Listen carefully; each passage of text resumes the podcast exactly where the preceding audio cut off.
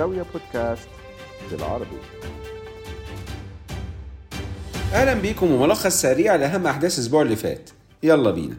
وزي كل أول شهر خلونا في الأول نشوف مؤشرات الاداء الاقتصادي لمصر والسعودية والإمارات حسب قراءات مؤشر مدير المشتريات في كل بلد. ونبتدي من الإمارات اللي تحسن فيها أداء القطاع الخاص غير النفطي خلال شهر يوليو بفضل نمو الأعمال الجديدة وسجل المؤشر 55.4 نقطة في يوليو قصاد 54.8 نقطة في يونيو وإن كانت الشركات الإماراتية غير المنتجة للنفط ابتدت في الربع الثالث بداية قوية إلا أن التضخم لا يزال هو التحدي الأكبر. مع العلم إن لجنة متابعة أسعار الوقود في الإمارات أعلنت عن خفض أسعار البنزين لشهر أغسطس بنسب متفاوتة اقلها 13% مقارنة بأسعار شهر يوليو. ده في الوقت اللي الأردن بترفع فيه أسعار البنزين لتاني مرة على التوالي المرة دي في شهر أغسطس بنسب بين 3.7% و4.9% ونروح للسعودية اللي تسارع فيها معدل التوظيف في القطاع الخاص غير النفطي خلال شهر يوليو عشان يوصل لأقوى مستوياته من تقريبا ثلاث سنين. لكن مؤشر مدير المشتريات انخفض ل 56.3 نقطة في يوليو قصاد 57 نقطة في يونيو. في الوقت اللي الأعمال الجديدة مستمرة في الارتفاع بفضل تعافي الطلب وتحسن مبيعات التصدير. أما في مصر فالحال كما هو عليه.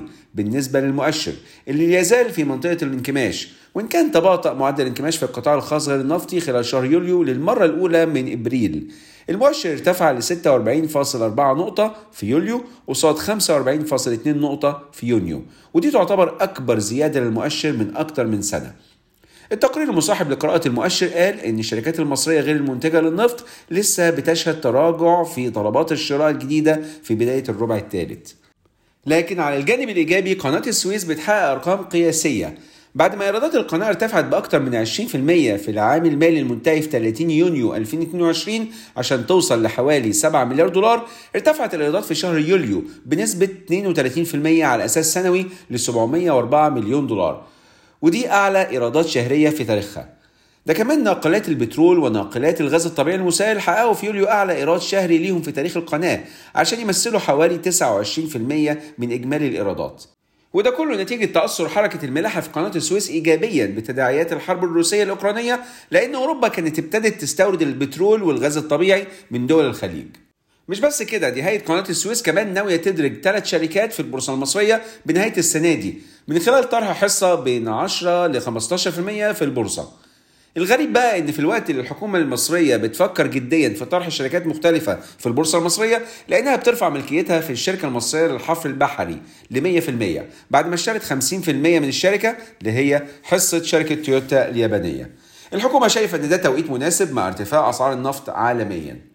أو بمناسبة النفط وافق تحالف دول أوبك بلس المصدرة للبترول على زيادة الإنتاج في سبتمبر ب 100 ألف برميل يومياً طبعا كل ده بيصب في مصلحة المواطن الأمريكي اللي بيواجه ارتفاع في أسعار البنزين. بالنسبة لمنظمة أوبك الكويتي هيثم الغيث اللي كان محافظ الكويت في أوبك من 2017 لغاية 2021 استلم مهام منصبه الجديد كأمين عام المنظمة ولمدة ثلاث سنين. ونرجع لمصر اللي ارتفع فيها عجز صافي الأصول الأجنبية في القطاع المصرفي بحوالي 21% على أساس سنوي عشان يوصل ل 19.7 مليار دولار في نهاية يونيو.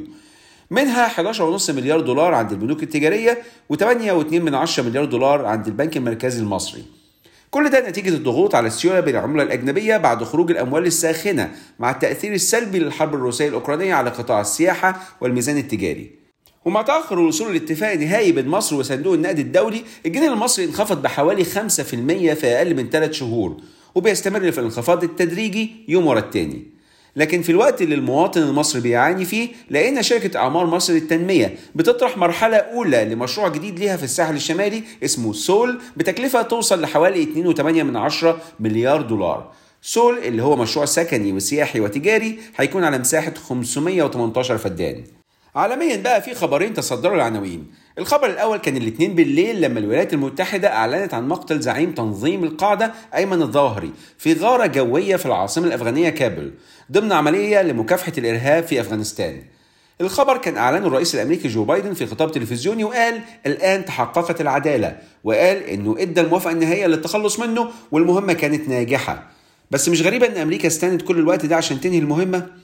المهم الخبر الثاني كان زيارة رئيسة مجلس النواب الأمريكي نانسي بيلوسي لتايوان. في تحدي صارخ لتهديدات الصين بخصوص الزيارة التاريخية دي لأن آخر زيارة لتايوان من مسؤول أمريكي بنفس المستوى كانت من ربع قرن يعني 25 سنة. التخوف دلوقتي هو رد فعل الصين وتأثير الزيارة على العلاقة بين أكبر اقتصادين في العالم الصين وأمريكا. ونروح لأسواق المال. في مصر استجاب 259.1 من 10 مليون سهم من أسهم شركة بلتون المالية القابضة لعرض الاستحواذ المقدم من شميرة للاستثمار الإماراتية. يعني حوالي 56% من إجمالي رأس مال بلتون وأقل من الحد الأقصى للعرض اللي كان 90% من أسهم بلتون لكن بالرغم من إن سعر العرض كان جنيه و48 ونص قرش للسهم الواحد إلا إن سهم بلتون كان بيتم تداوله على سعر أعلى بحوالي 20% من سعر العرض.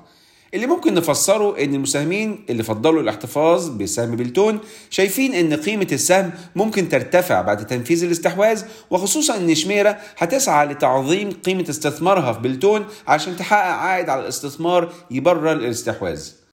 وفي الإمارات وحسب مصادر شركة الأنصار للصرافة بتدرس طرح أسهمها في سوق دبي المالي أول السنة الجاية. من ناحيته الرئيس التنفيذي للشركة كان قال عن شركته إنها بتقيم فكرة الطرح العام بقالها فترة لكن القرار النهائي لم يتم اتخاذه بعد وإن الشركة بتراقب السوق علشان تحدد الوقت المناسب للطرح. ونروح للكويت اللي بعد أكتر من شهرين من استقالة الحكومة السابقة أخيرا تم تشكيل الحكومة جديدة من 12 وزير بيترأسها الشيخ أحمد نوافل أحمد الصباح الابن الأكبر لأمير الكويت الحالي اللي لسه متعين من أسبوعين تقريبا.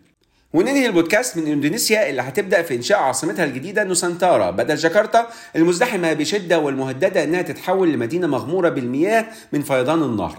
من المتوقع الانتهاء من تطوير المرحلة الأولى على سنة 2024 بتمويل حكومي يبلغ 3.4 مليار دولار. من أصل 34 مليار دولار هي تكلفة المشروع. لكن في نهاية المطاف 80% من تمويل المشروع هيجي من القطاع الخاص ويمكن إندونيسيا تصدر سندات بعد كده.